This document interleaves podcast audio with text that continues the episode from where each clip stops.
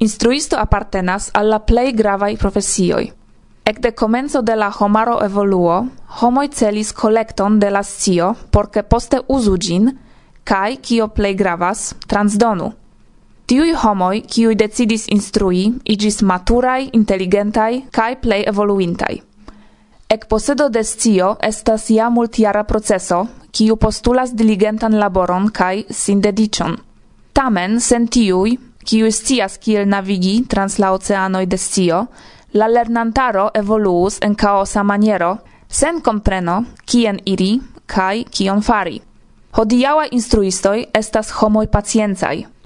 En la polaj ŝtataj lernejoj ili laboras ĉiutage kun la junaj homoj en klasoj konsistantaj ofte el tridek diversaj personecoj, el kiuj ĉiuj havas malsamajn bezonojn kaj interesiĝojn. Instruisto laca, en klaso plenplena de malgrandaj kaj energiaj friponoj estas causo de malprogreso kaj depresio. De la unua flanko ni havas homon, kiu devas sin bone prepari por presenti iun lernotemon en interesa kaj entuziasma maniero. De la dua, lernantaron sen critican, rapide enuigiantan, kiu anstatau sekvi lecionon vivas en mondo de siei propraj aferoj, emocioj kaj amuziĝoj. Ludoj, lernejaj negocoi, conflictoi, la unua amo nature evidentigas pli interesa ol chemio, matematiko au pena lernado de iu ein lerno objekto.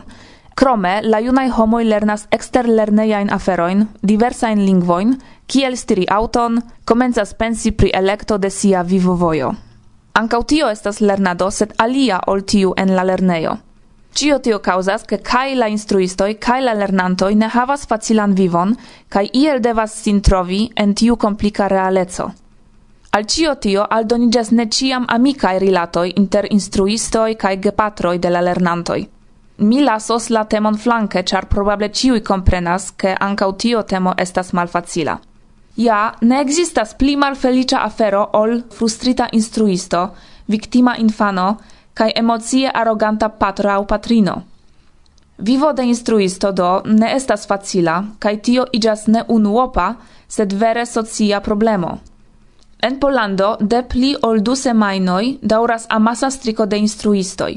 Grand parto de la ŝtataj lernejoj ĉesis labori, kio vekis varman diskuton pri pozicio de instruisto en la socio modestai pagoi oftai kai negis fino trafai ŝanĝoj de la generala lerno programo fine crescanta manko de estimo al tiu malfacila profesio, caŭzis finfine eksplodon de emocioj. En kelkai aliai landoi kie iam io simila okazis, oni trovis giustain concludoin, kai nun kun ĵaluzo oni povas observi evoluon de edukado en Singapuro au Finlando ekzemple. Ĉu similan vojon elektos la lando mia? malfacilas respondi. Tamen, malgrau diversai argumentoi pro kai contrau, argumentoi de diversai flancoi compreneble, core mi subtenas la stricon de instruistoi, kies rolo en la socio fakte apartenas al la plej gravaj.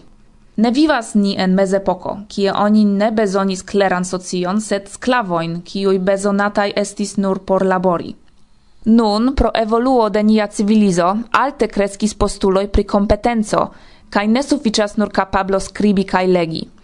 Gravas ancau fundamenta kai firma orientigio pricio, stio, kiun oni ricevas giuste en lerneio. Pro tio kvalito de instruado kai competenzo de la instruistoi tiel gravas. Kai tiui homoi, kiu respondecas pri instruado, devas ricevi pli grandan apogon ol nur convena salairo, pro kio oni fakte batalas – bona laboristo pensu ne pri tio kiel travivi monaton, sed pri kvalito de sia laboro. Nun la instruistaro en Pollando devas fronti ne nur malfacilecon de sia profesio, sed ankaŭ akcepti vivon sur la rando de la ekonomia elteneco, kio pro kreskanta vivokosto iĝis kvazaŭ arto. De la unua flanko do ni havas gefilojn de riĉaj kaj kritikemaj gepatroj – de la dua instruiston, kiu laboregas post reveno heimen, calculante ciun groŝon sen certeco, ciu suficios mono gis fino de monato. Tiu temo estas kiel rivero. Dum horoi oni povas discuti, ne nur pri la salairoi, sed anco pri la kvalito de instruado, pri la kai kaj Sen Senduba estas facto, ke frustrita pro nesuficia vivo subteno instruisto laboros sen entusiasmo kai anstatau inspiron esti malsatai jescio, transdonos alla lernantoj sian lacon kai malkontentecon. Alla instruistoi do mi desiras sukceson. Ju pli rapida gi estos, des pli bone por ni ciui. Kai kio ege min ĝojas, subtenas la instruistaron en la batalo ancau multaj lernantoj. Ne mancas bildoi de tiu solidareco en multaj lerneiai comunumoi. Parolis Ania.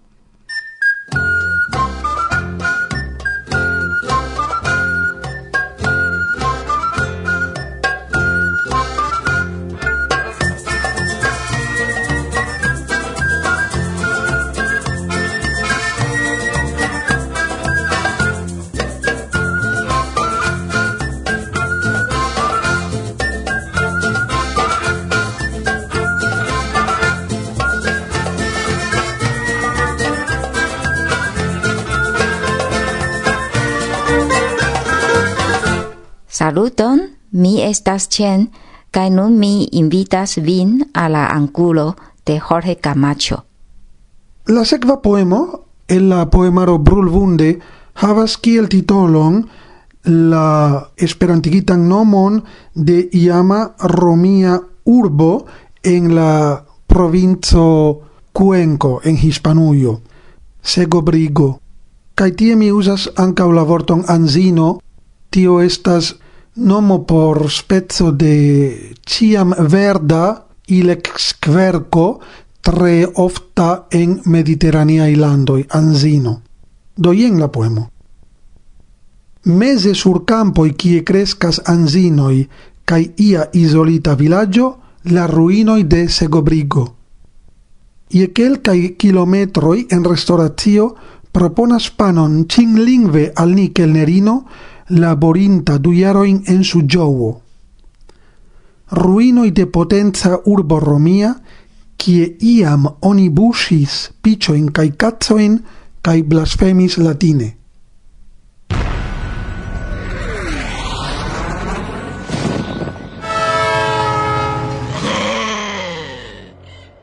Varsovia vento.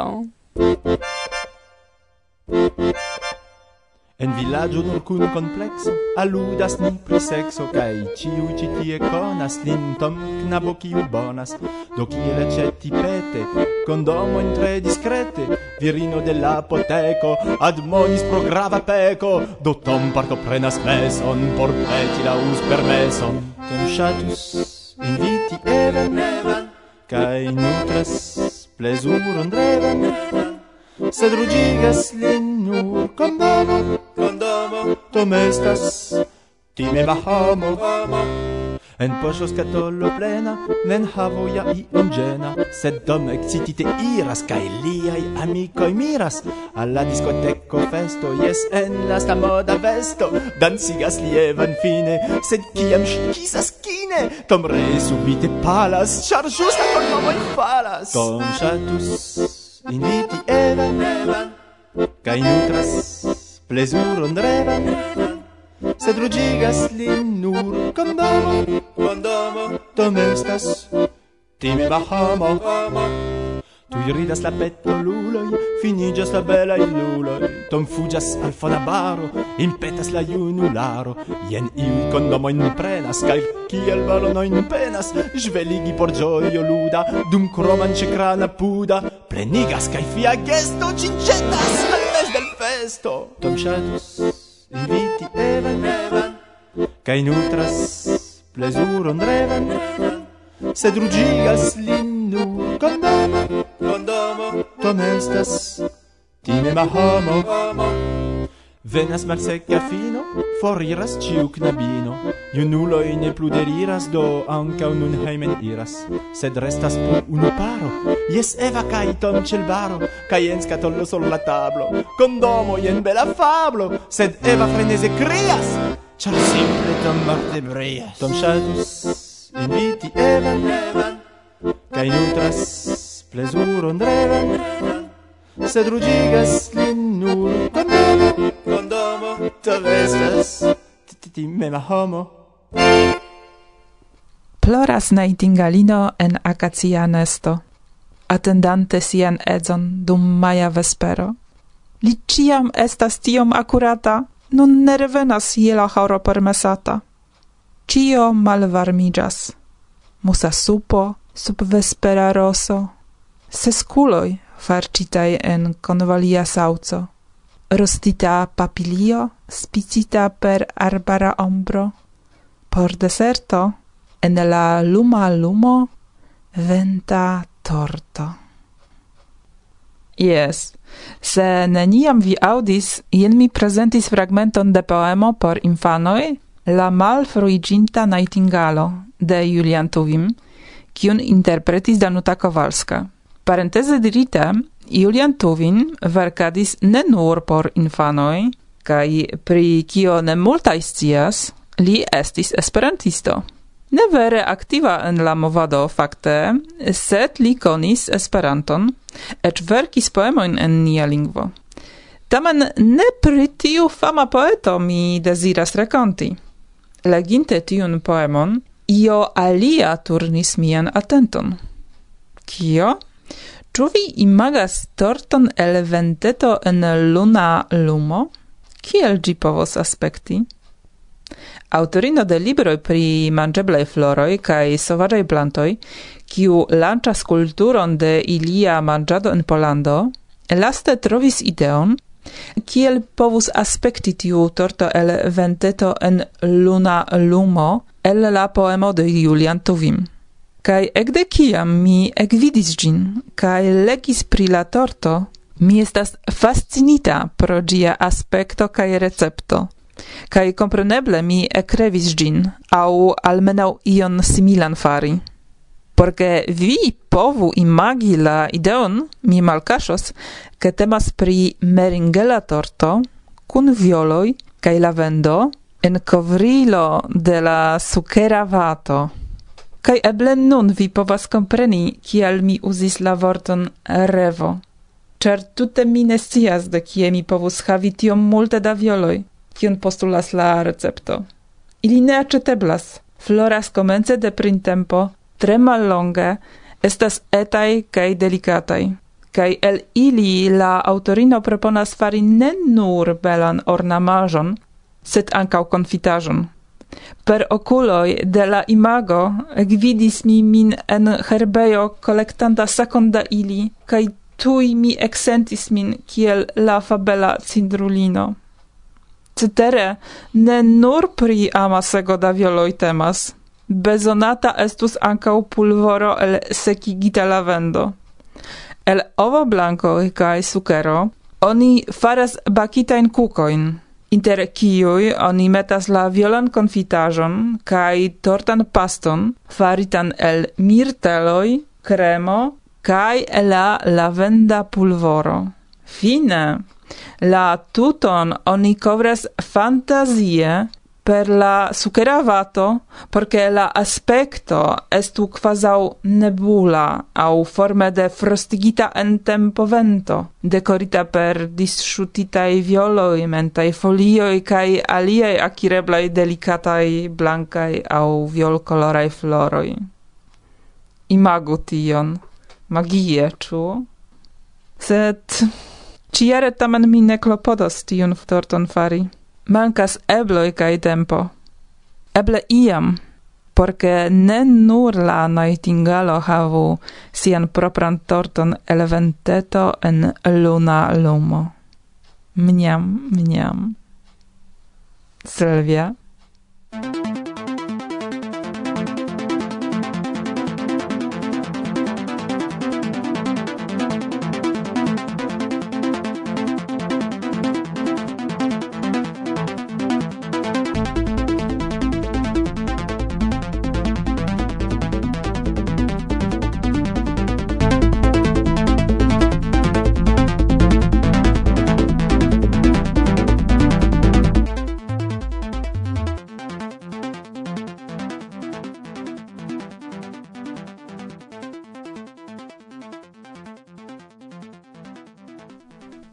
Saluton, mi estas Alina. Mi invitas vin al angulo de Nicolao Dauls. Forlasita. Nun disversigas mi samkiel agvo en stofa saco. Miai ostoi knaras. El articigio dolorigas ilin.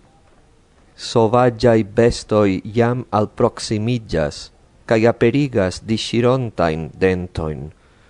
Gluidjas mia lango al palato, cae idjas mia gorgio sul furmino. Nur unu vorto al mi venas, kial. Sur citia demando vorto restas microzumita mese de deserto. Kial ne estas vi ce mia flanco, ciam nur malamicoi min circauas? Kial al mi nun mancas via helpo? Mi vidas la lut cuboin forgetatai, de ili por dividi miain ajoin. Sed kiom pli de mi forprenos oni? Cai ciui posedajoi de mi restas? Ciu oni vere povos min fortranci el miai travivajoi miai spertoi? forprenos de mi ili la belegain bildoin marain jus antaus un subiro? Ciu la sono de ama spiro apud mi dum nocto silentis pro admiro? Nun rememoras mi la mola in pasioin, tiuin duon cascitain invit gestoin, tiun febran tremadon dum caresoi. Ciu crom mi capablos interpreti la malconatan lingvon de la amo. Do, ciam mi silentos, ciu restos por compreni la codon de corbatoi. Hastu, cae liberigu miam vivon de leonai ungegoi, de bof cornoi, cae de glavoi de miai malamicoi. Eterne mia vocio vim proclamos, gis cum cantante la popolo diros, nur pro ci tio prave indas vivi. Sed mi jam scias kiel mi finigios. Mi conas viain nesequeblain voioin, la amaran mienon por fordanki, amon de tiui kiui fai gravuras sur hauton via nomon, liberezzo. Yes, prave, rulmovigis la tomstono, cae en lum nubo restarigas mi. Memoro cae desiro tie ci min accompanas ancau quasau sprono. Silueto elstaras sur la fono de brila tago surprizita pri senatenda reveno cae ec pli timigas gin malpovo pri recono. Ne timu, ne plu estas mi citie ne serciu min tra tomboi cae mortintoi. Pli bone vi loco locoin cie iam gioigis mi, sur montopintoi, en marbordo, au en infana domo. Cae tiam revivigis via nomo.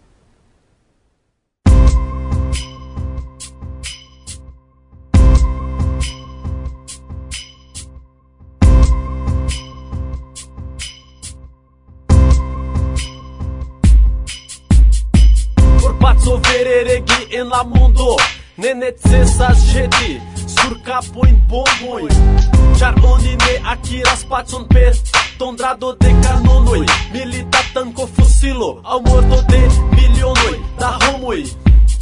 Ne necesa to nuclear armado Impona arsenalo. Revolvero pistolo Carabeno mitralo. Au perploro de infano orfa Filipino aflicta Cai filoi de la sorto Rebonê nas quinas, pimentão macoro. Caimurdo, tormento, vecrio, malgioio, agresso, malcontento. Čutio dola vivo, post miloj da i no reclivo klivo. Ne, mi ne volas, decide credi que La e sin malama sin detruas kaj que ankoraŭ encoro.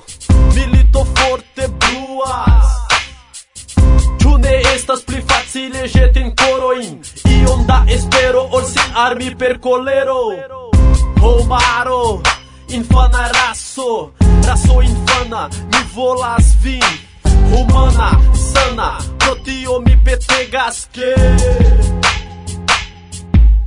Permesu che floru en la coro la espero che la tuta mondo canto canto con sincero. La vivo estu gioio estu tilo estu grazzo tu rego pazzo perverso che cloro en la corola Espero che la tuta mondo Canto canton con sincero. La vivo es tu gioio, es tu tilo, es tu grazo Curego pazzo yes.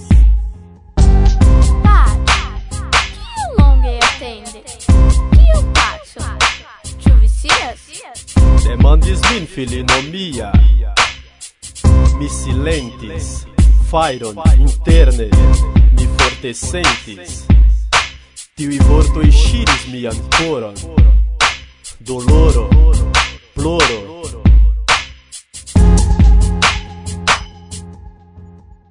Ĉu estos tempo por ricolto Tempo por floro. Ĉu estos tempo porque la suno de nove brilu kaj blovo de la gaia vento super ni iru Cai la fresha luma tago de nove si montro anta unia vido Cai la mondo estunur sub pața equido Cai se divido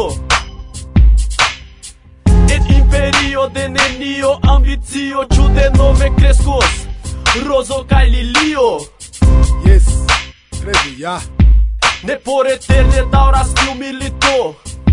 Ne por eterne tragedio, catastrofo fatalo, doloro, ploro, ĉarpaco estas nia idealo, ne plu batalo, ne plu. Hiroshima ne plu, Nagasako ne plu. Furiosa cai sentença, detruado neplu. Negativa, mal comprenar ilatado Futuro declara, estu temerara Persvado, provo revi, provo som de borpli Pliusta mondo vengo yen la respondo, mi sentença ripetas Mi insiste petas al romar o que? Permesso, floru en la coro La espero che la tuta mondo. Canto canto con sincero. La vivo estu gioio, estu tilo, estu grazzo Tu regu pazzo.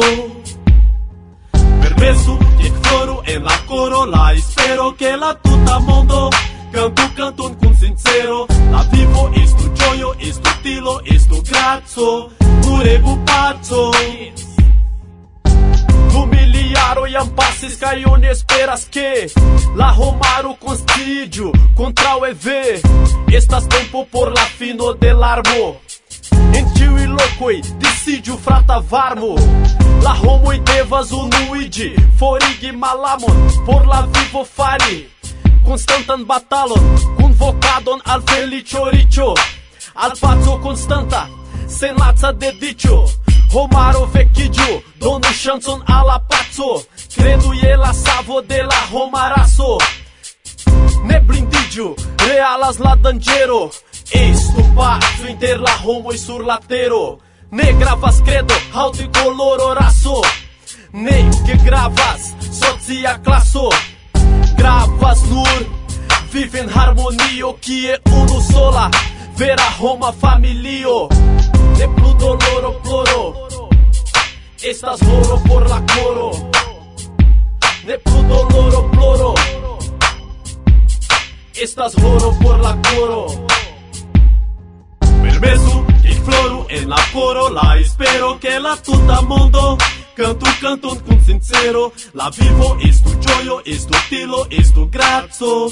Durego pazzo penso que floro en la coro la espero que la tuta mondo Canto canton con sincero. La vivo estu gioio, estu tilo, estu grazzo Curego pazzo. Yes. Escudo loro, loro, estas oro por la coro. Escudo loro, coro, estas oro por la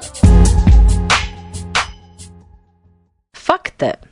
Neniam pli frue ni anoncis pri la Pola Esperanto-Kongreso, kvankam, kion scias la fidalaj aŭskultantoj, kelkfoje prezentitaj estis sonbildoj el tiu ĉi evento. Sed, kion mi konstatas nun, ne aperadis antaŭ signoj en niaj programoj, ĉar dum la lastaj jaroj ĝenerale mankis sufiĉe pli fruaj informoj, por ke ni anticipe anoncu pri la evento. Volonte ni farus tion, sed kiel ne rigardi unue oni devas sci kiam kai kie io sekvos, kaj kion oni planas okazigi dume. Kai tion plej ofte eĉ la organizantoj ĝis la lasta momento ne scias, kaj ne temas nur pri la pola movado. Konkludo Kiel akvo en deserto en la esperantista movado draste mankas ena kaj ekstera informado. Ĉu tio ŝanĝiĝos? Nu, no. ja ĉio dependas de ni mem, ĉu? Perfekta kun laboro estis kun Brucio Cassini pri la sepdeknaŭa itala kongreso de Esperanto kaj kun niaj amikoj el Hispanio. Speciale kun Javier Romero Telo pri la sepdekkvina Hispana Esperanto kongreso en Herrera del Duque kaj kun Alberto Granado Orsero el Teruelo pri la Hispana Kongreso sekva, dankal kiuj aperis en niaj elsendoj ne nur reklamojn duonjaron antaŭ la eventoj, sed ankaŭ abundaj sonraportoj kiuj igis quasau sonai congressai libroi, dank al kiuj oni povis almenau excii la abundain program proponoin, kai iom exsenti la congresan etoson. Ce la ocaso, mi salutas vin carai core. Pri la Pola Esperanto Kongreso, la tridec okajam, ni informas, char tiel okazas, ke mi estas en la estraro de la Pola Esperanto Asocio, kaj nun ni scias preskaŭ ĉiujn detalojn de la kongresa organizanto. Karajdo, mi invitas vin viziti nian landan kongreson, dum kiu okazos interesajn programerojn koncerne de Lidia Zamenhof. Cetere sekvos vizito en la koncentrejo Treblinka, kie fine de la milito ŝi estis mordigita. Krome, parolos ni pri la movado, pri diversaj eldonaĵoj, inter ili pri nia ĉefa revuo La Pola Esperantisto. La seriozajn temojn prikolorigos koncerto de per ĉiuj ŝatata duopo kaito kai kiel dum tiu ci okazajoj eblos diboci gis la nocto nocto fin. En la programo de la congreso estas ankaŭ elekto de la nova estraro, sed tio fakte koncernas la polan esperantistaron, do mi ne parolos pri tio pli multe. Venu! Informo in vitrovos post elekto de ligilo en priskribo de nia programo. Kai, por ke mi resumu cion tion, pri kio mi parolis, karaj estontai organizantoi de io ein en Esperantujo, zorgu pri la ena kaj ekstera informado, por ke en ĝusta tempo ĉiuj ni sciu, kio okazos en la esperantista patrujo nia. Dankon, parolis Agnieszka.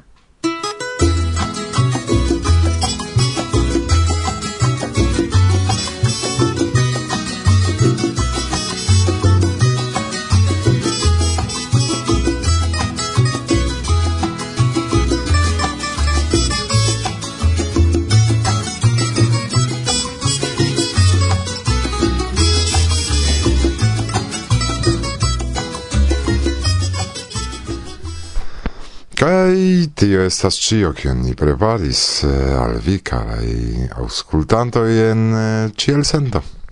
Cion la plej bonan al vi, kie ajn atingas vin niaj voĉoj. Ĝuste. Ĝuste. Do, ĝis la baldaŭa. Reaŭdo. Ĝis. Mi volas danki vin, sinjoro Ludoviko. Mi volas danki vin per ĉi tiu kant. Mi volas danki vin, maljuna kuracisto. Mi volas danki vin, doktoro Esperant. Pro verda koro de Julio, streĉita kord de Coloman Pro la congresan Varsovio pro rencontigio con Japan. Pro la congresan Varsovio, pro rencontigio con Japan. Mi volas danki vin, signoro Ludovico, mi volas danki vin per citiu cant Mi volas danki vin, maljuna kuracisto, volas danki vin, doktoro Esperan, pro la amicoi el Francio, el Germanio, kai Canado, el Itali kai Hungario, pro Belulin el Leningrado, el Itali kai Hungario, pro Belulin el Sankt Petersburg, mi vola zdanki vin, signoro Ludovico. Mi vola zdanki vin, per citiu cant. Mi vola zdanki vin, maliuna curacisto. Mi vola zdanki vin, doktoro Esperant. Pro juna negro, comencanto, cortusza Franca, melodi Char cio dankal Esperanto Char cio maestro dank al vi. Char cio dankal Esperanto Char cio maestro dank al ci. Mi volas danki vin Signoro Ludovico. Mi volas danki vin per citiu